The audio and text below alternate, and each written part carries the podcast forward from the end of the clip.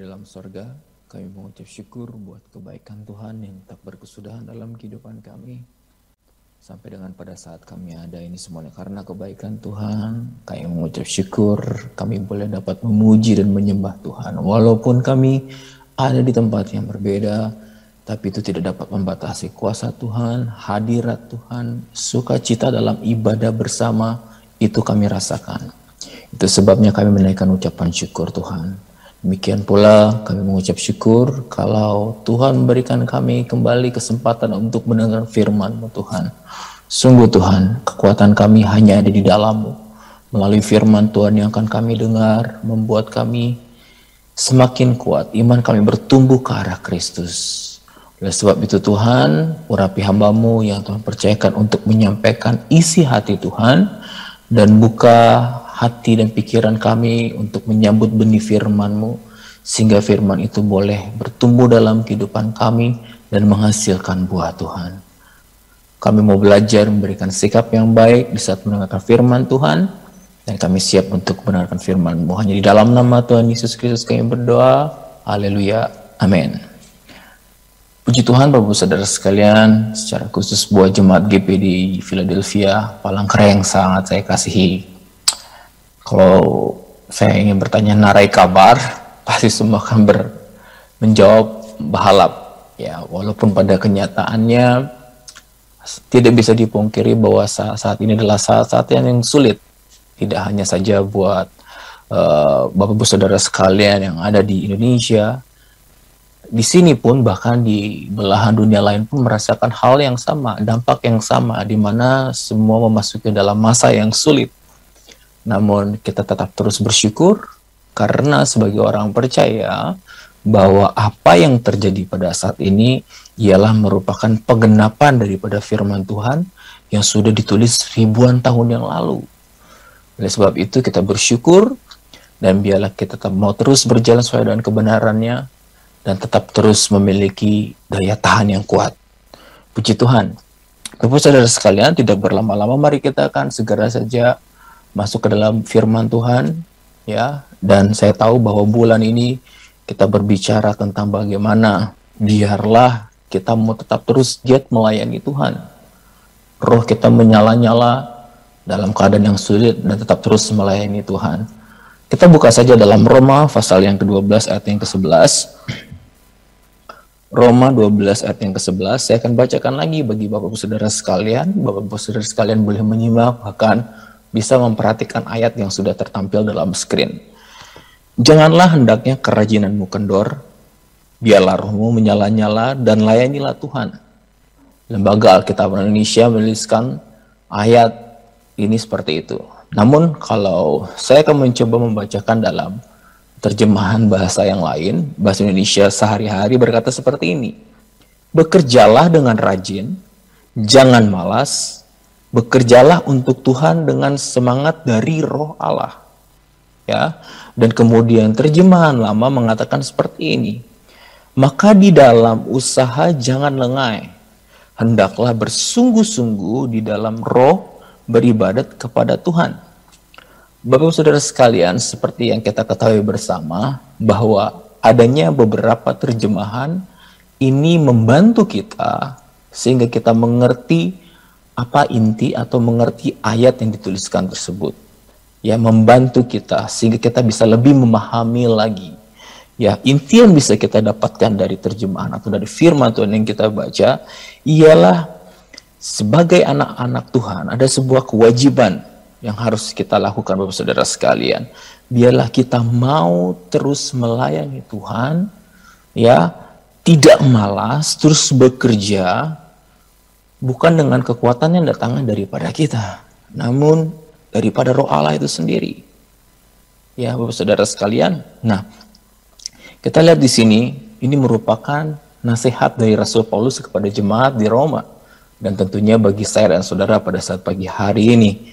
Ya Bapak Saudara sekalian, dan kalaupun kita lihat dari Roma pasal 12 ayat yang pertama, kita bisa lihat di situ Bapak Saudara sekalian, karena itu Saudara-saudara, demi kemurahan Allah, aku menasihatkan kamu supaya kamu mempersembahkan tubuhmu sebagai persembahan yang hidup, yang kudus, dan yang berkenan kepada Allah, itu adalah ibadahmu yang sejati.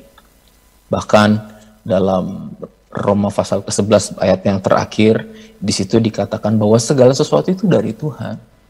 Kita kembalikan kepada Tuhan, ya, karena segala kemuliaan hanya bagi Tuhan untuk selama-lamanya. Nah, berangkat dari hal itu, kita menyadari bahwa kita, Bapak Saudara sekalian, sudah menerima kebaikan yang luar biasa daripada Tuhan, sudah menerima karunia yang luar biasa daripada Tuhan. Kita sudah dimerdekakan dari hukum Taurat, Bapak Saudara sekalian. Dua hari lagi, kita memperingati dan merayakan ulang tahun uh, kemerdekaan kita yang ke-76. Ya, ke-76 1945 hari kemerdekaan kita dan dua hari lagi kita merayakan kemerdekaan itu. Tapi apakah cukup sampai dengan itu saja? Tentu tidak. Sebagai warga negara bangsa Indonesia yang baik, kita harus mengisi kemerdekaan itu dengan baik. Dengan apa? Dengan bekerja dengan baik di bidang kita masing-masing, baik pegawai negeri sipil mungkin, aparatur negara, bahkan wira swasta atau warga negara yang baik ialah warga negara yang mengikuti peraturan yang ditetapkan oleh pemerintah. Nah, sama halnya dengan kita Bapak Saudara sekalian, sebagai anak-anak Allah yang sudah dimerdekakan dari hukum Taurat dan menerima uh, keselamatan karunia Allah yang luar biasa, anugerah Tuhan yang luar biasa, kita harus mengisi kemerdekaan itu kemerdekaan itu dengan mengerjakan keselamatan yang sudah Allah beri dengan cuma-cuma. Ya, cuma-cuma di sini bukan berarti sesuatu yang murahan, Bapak Saudara sekalian. Dengan darah yang mahal. Sebagai anak Allah yang dewasa, tentunya kita mengerti konsep ini.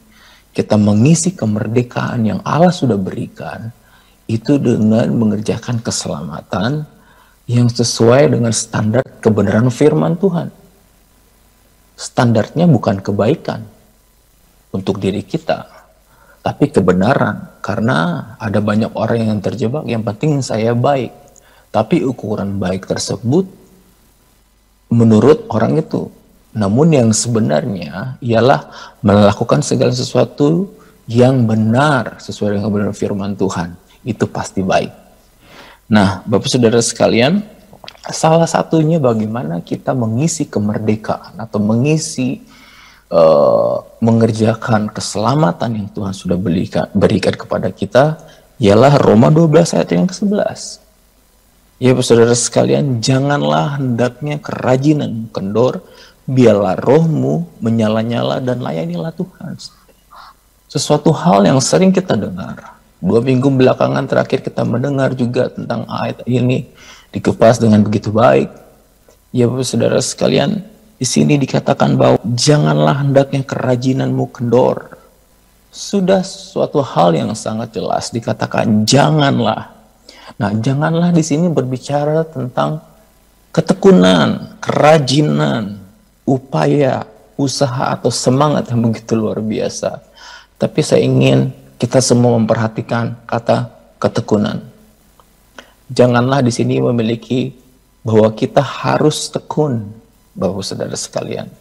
Sebagai anak-anak Allah kita dituntut untuk tetap tekun, terutama untuk tekun menanti kedatangan Yesus kembali. Kalau berbicara tentang ketekunan, gereja pantai Costa di Indonesia tahu benar bahkan hafal cerita ini bagaimana murid-murid Yesus, ibu Yesus, dan murid-murid Yesus, mereka menanti janji yang diberikan oleh Tuhan. Dalam kisah para rasul satu ayat yang keempat, pada suatu hari ketika ia makan bersama-sama dengan mereka, ia melarang mereka meninggalkan Yerusalem dan menyuruh mereka tinggal di situ menantikan janji Bapa yang demikian katanya telah kamu dengar daripadaku. Nah, Ketekunan di sini adalah merupakan suatu kunci atau proses sehingga mereka menerima janji itu, Bapak Saudara sekalian. Bukanlah sesuatu hal yang mudah untuk menunggu atau menanti dengan tekun. Ya, Bapak Saudara sekalian, tidak gampang. Ya, katakanlah kita sedang mengurus administrasi. Kemudian kita dikatakan, oh Bapak Ibu sudah harus menunggu 7 atau sampai dengan 14 hari kerja. Namun secara mindset atau secara pemikiran kita oke okay, 7 sampai 14 hari kerja, tapi saya tahu bahwa ada deadline, ada due yang harus saya tunggu. Kalaupun 7 sampai 14 hari tersebut uh, dokumen yang kita inginkan atau dokumen yang sudah dijanjikan semestinya sudah selesai belum selesai, kita bisa menghubungi pihak yang bersangkutan. Ya, atau sama saja seperti saat ini yang sering kita lakukan mungkin baik kami di sini dan Bapak Ibu Saudara sekalian yang ada di Indonesia kita melakukan tes ya demi keamanan bersama demi keamanan diri saya atau diri kita dan keluarga kita kita melakukan tes dan kemudian dicantumkan di situ uh, hasilnya akan keluar dalam kurun waktu sekian satu kali 24 jam sampai dua kali 24 jam, katakanlah seperti itu. Bagi saya pribadi saat saya melakukan tes tersebut, saya tidak masalah karena saya tahu dengan pasti bahwa akan ada dalam kurun waktu tersebut saya akan menerima hasilnya. Namun kalau dalam cerita ini Bapak Saudara sekalian, saat Tuhan memberikan janji ini Bapak Saudara sekalian, tidak diberikan batasan waktu dan tidak diberitahu mereka harus menunggu berapa lama. Ibu dan murid-murid Yesus tidak diberitahu berapa lama mereka akan menerima janji yang diberikan itu. Namun, yang menjadi faktor penentu bagaimana mereka menerima janji itu ialah mereka menantinya dengan tekun. Jadi ketekunan di sini sangat luar biasa Bapak Saudara sekalian. Kita semua harus tetap tekun. Ya, janganlah memiliki pengertian kita harus tekun Bapak Saudara sekalian. Saya bisa membayangkan bagaimana kondisi ibu dan murid-murid Yesus pada saat itu. Menantikan suatu janji yang tidak tahu kapan datangnya. Dan kapan mereka akan menerima janji itu. Tapi mereka bersehati ya bersehati dalam persatuan yang kuat. Mereka tekun secara bersama-sama dan akhirnya mereka menerima janji itu. Mereka semua dipenuhi oleh kuasa Roh Kudus, Bapak Saudara sekalian. Ya, jadi Bapak Saudara sekalian, milikilah ketekunan. Ketekunan sangat penting, terutama di saat kita menanti-nantikan kedatangan Yesus kembali. Nah, Bapak Saudara sekalian, selanjutnya dikatakan ada warning di sini, ada perang, ada peringatan. Jangan sampai kendor, Bapak Saudara sekalian. Jangan sampai kendor, ya. Kendor di sini memiliki salah satu pengertian ialah malas. Jangan sampai kita malas. Ada satu peringatan yang diberikan, jangan malas. Ya, kita harus bekerja. Bahkan dalam terjemahan yang saya bacakan di awal tadi bekerja dengan sungguh-sungguh bukan dengan bersungut-sungut, bekerja dengan bersungguh-sungguh. Ada upaya yang kuat yang kita berikan, Bapak Saudara sekalian. Jangan malas. Tentunya kalau berbicara tentang malas ada banyak faktor yang menyebabkan kita bisa malas. Faktor dari eksternal atau internal, dari luar atau dari dalam. Malas juga bisa diakibatkan karena orang sudah merasa puas atau merasa nyaman dengan apa yang dia miliki sehingga dia malas. Ya saudara sekalian, namun saya tidak mengupas hal itu secara lebih detail lagi. Namun yang terpenting ada warning di sini buat saya dan saudara bahwa jangan malas. Bekerjalah dengan sungguh-sungguh, berupaya. Walaupun sulit tapi kita mau berupaya mengerjakan itu. Karena kita menghargai kita mau mengisi kemerdekaan yang Tuhan sudah berikan dalam kehidupan kita. Keselamatan yang sudah Tuhan sudah Tuhan berikan dengan cuma-cuma. Jadi kita tidak malas Bapak Saudara sekalian. Nah, tentunya Bapak Saudara sekalian, di sini dikatakan kemudian biarlah rohmu menyala-nyala. Ya, roh, tentu saja roh Allah yang ada dalam kehidupan kita itu tetap terus menyala Bapak Saudara sekalian roh Allah. Roh Allah lah yang memampukan kita sehingga kita bisa dapat terus bekerja. Roh Allah lah yang memampukan kita sehingga kita bisa memiliki daya tahan yang kuat. Roh Allah lah yang memberikan kemampuan atau menolong kita untuk bisa berdoa karena Roh Kudus itu merupakan penolong, penuntun, penghibur dalam kehidupan kita. Tetap menyala-nyala di dalam Tuhan. Ya, Bapak Saudara sekalian, menyala-nyala di sini tetap terus mendidih semangat yang menyala-nyala, berapi-api menyala-nyala, melayani Tuhan. Karena kalau kita bekerja dengan kekuatan kita sendiri, tentunya kita akan mengalami kelelahan.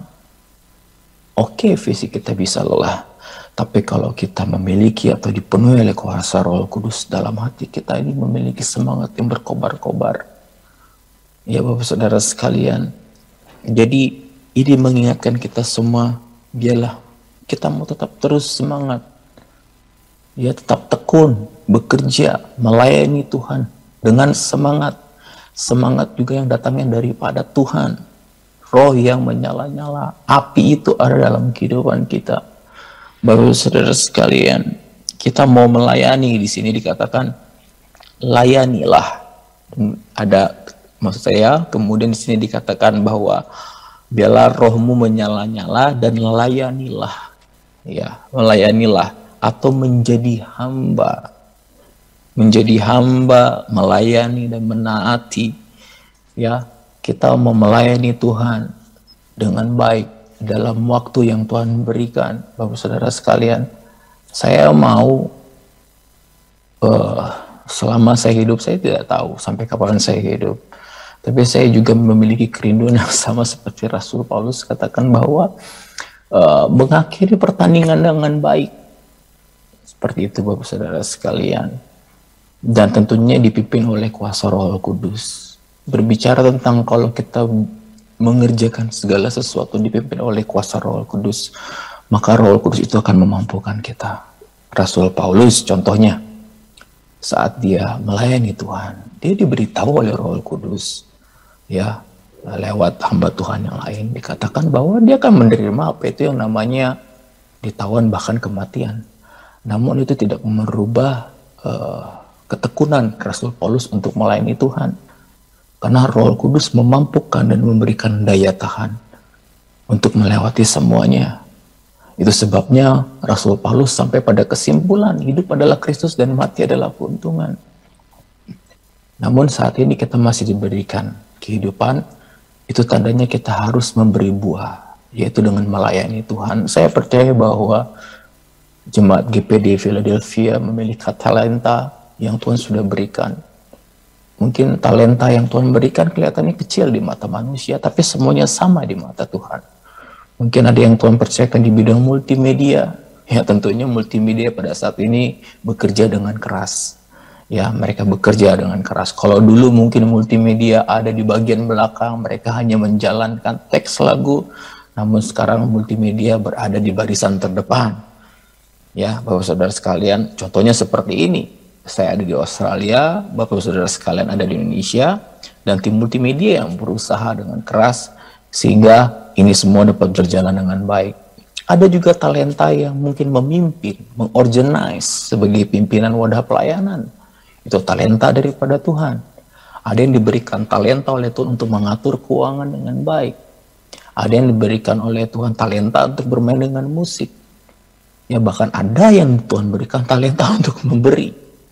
Walaupun nilainya kecil, namun tidak itu diperhitungkan oleh Tuhan. Ya, saya rasa sudah sering kali kita mendengar tentang hal itu, tentang talenta. Betapa mahalnya talenta, nilai talenta itu sebenarnya. Namun apabila talenta itu tidak kita kerjakan, malah justru sebaliknya ada hukuman yang menanti. Ya Bapak Saudara sekalian, tapi saya tidak menakut-nakuti di sini, ya. Namun dengan pemikiran orang yang dewasa ialah kita mengerjakan atau mengisi kemerdekaan yang Tuhan berikan dengan melayani Tuhan, Bapak Saudara sekalian. Nah, di sini kita harus perhatikan lagi. Jadi, kita harus melayani Tuhan dengan lebih sungguh lagi. Nah, satu hal yang terakhir yang ingin saya bagikan kepada Bapak Ibu Saudara sekalian dan saya juga, kata melayani di sini juga memiliki pengertian ialah beribadah. Ya, betul. Melayani itu ialah kita melayani dengan uh, apa yang Tuhan percayakan. Sebagai pegawai negeri sipil, mimbar kita ialah di saat kita bekerja. Ya, sebagai nakes, aparatur negara, itu adalah mimbar kita masing-masing. Namun kata melayani di sini juga memiliki pengertian ialah beribadah. Jangan sampai kita malas beribadah. Terutama di situasi pandemik seperti ini. Ada berapa banyak orang yang kemudian menggunakan alasan ini sehingga mereka tidak mau beribadah. Dalam pengertian beribadah secara bersama-sama. Ya, seperti cell group dalam Zoom, kita bersyukur kita masih diberikan platform Zoom. Kita bisa berkumpul bersama. Kami di sini tidak bisa kami dilarang untuk berkunjung ke rumah satu sama orang lain. Walaupun itu keluarga tidak boleh, Bapak Saudara sekalian. Jadi sel grup yang dilakukan, ibadah-ibadah yang dilakukan pun kami lakukan via Zoom. Kami bersyukur karena apa? Zoom bisa mempertemukan kita walaupun di tempat yang berbeda. Bapak Saudara sekalian, bukan berarti kita tidak bisa beribadah sendiri di rumah. Konteksnya berbeda. Kita berdoa di rumah, Ya betul. Tapi beribadah bersama dengan saudara-saudari di dalam Tuhan itu juga sangat penting Bapak Saudara sekalian. Kumpulan gereja di sini berbicara juga tentang kumpulan orang percaya. Di mana saat kita berkumpul, kita bisa saling menguatkan satu sama yang lain. Kita bisa melihat jemaat mana yang memerlukan bantuan. Ya Bapak Saudara sekalian, jadi pentingnya untuk kita beribadah Contoh dalam sel group, rajin-rajinlah beribadah. Ya dalam pertemuan sel group seperti Zoom, apa kita sudah dimudahkan dengan teknologi pada saat ini. Hanya tinggal cukup menekan uh, link yang sudah diberikan, kemudian sudah tersambung. Kita sudah diberikan fasilitas, apalagi yang menjadi alasan kita atau pembenaran-pembenaran diri kita yang membuat kita tidak mau beribadah secara bersama-sama. Gereja lokal itu sangat penting peranannya. Ya Bapak Saudara sekalian bagaimana gereja lokal itu membentuk. Ya Bapak Saudara sekalian percayalah ada satu sukacita yang luar biasa yang Tuhan akan berikan di saat kita beribadah bersama-sama. Karena dalam kebersamaan, dalam persatuan persaudaraan, maka dalam Mazmur seperti yang dalam Mazmur dikatakan di situ berkat Allah dicurahkan Ya Bapak Saudara sekalian, ya tetap setia beribadah kepada Tuhan. Perkumpulan orang percaya, ya berkat Tuhan dicurahkan dan kasih persaudaraan. Jemaat GPI DDI Philadelphia tidak bisa dibatasi oleh pandemik yang ada. Ya, saya percaya dalam kasih persaudaraan yang erat ada berkat Tuhan yang luar biasa. Ya, dan justru di saat seperti inilah, ya saudara sekalian, sebagai jemaat Tuhan, segala informasi atau pengetahuan yang kita terima lewat kebenaran firman Tuhan itu kita aplikasikan lewat pertemuan ibadah bersama-sama itu tadi. Ya, sehingga akan terjadi transformasi, perubahan menjadi anak Allah yang lebih dewasa. Ya, mungkin berapa kali saya katakan hal ini, pengetahuan atau informasi tidak ditambah dengan aplikasi atau penerapan, tidak akan terjadi transformasi, tidak akan terjadi perubahan apa-apa. Hanya menjadi informasi yang biasa-biasa saja. Biarlah di akhir daripada zaman akhir ini kita mengerti dengan baik, menghargai waktu yang ada dengan baik, dan lebih sungguh lagi di dalam Tuhan.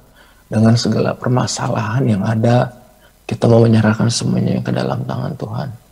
Ya Bapak Saudara sekalian, sekali lagi, sehingga kita mau baca ayat ini bersama-sama, dan saya percaya bahwa dalam sebulan ini kita akan hafal betul ayat ini.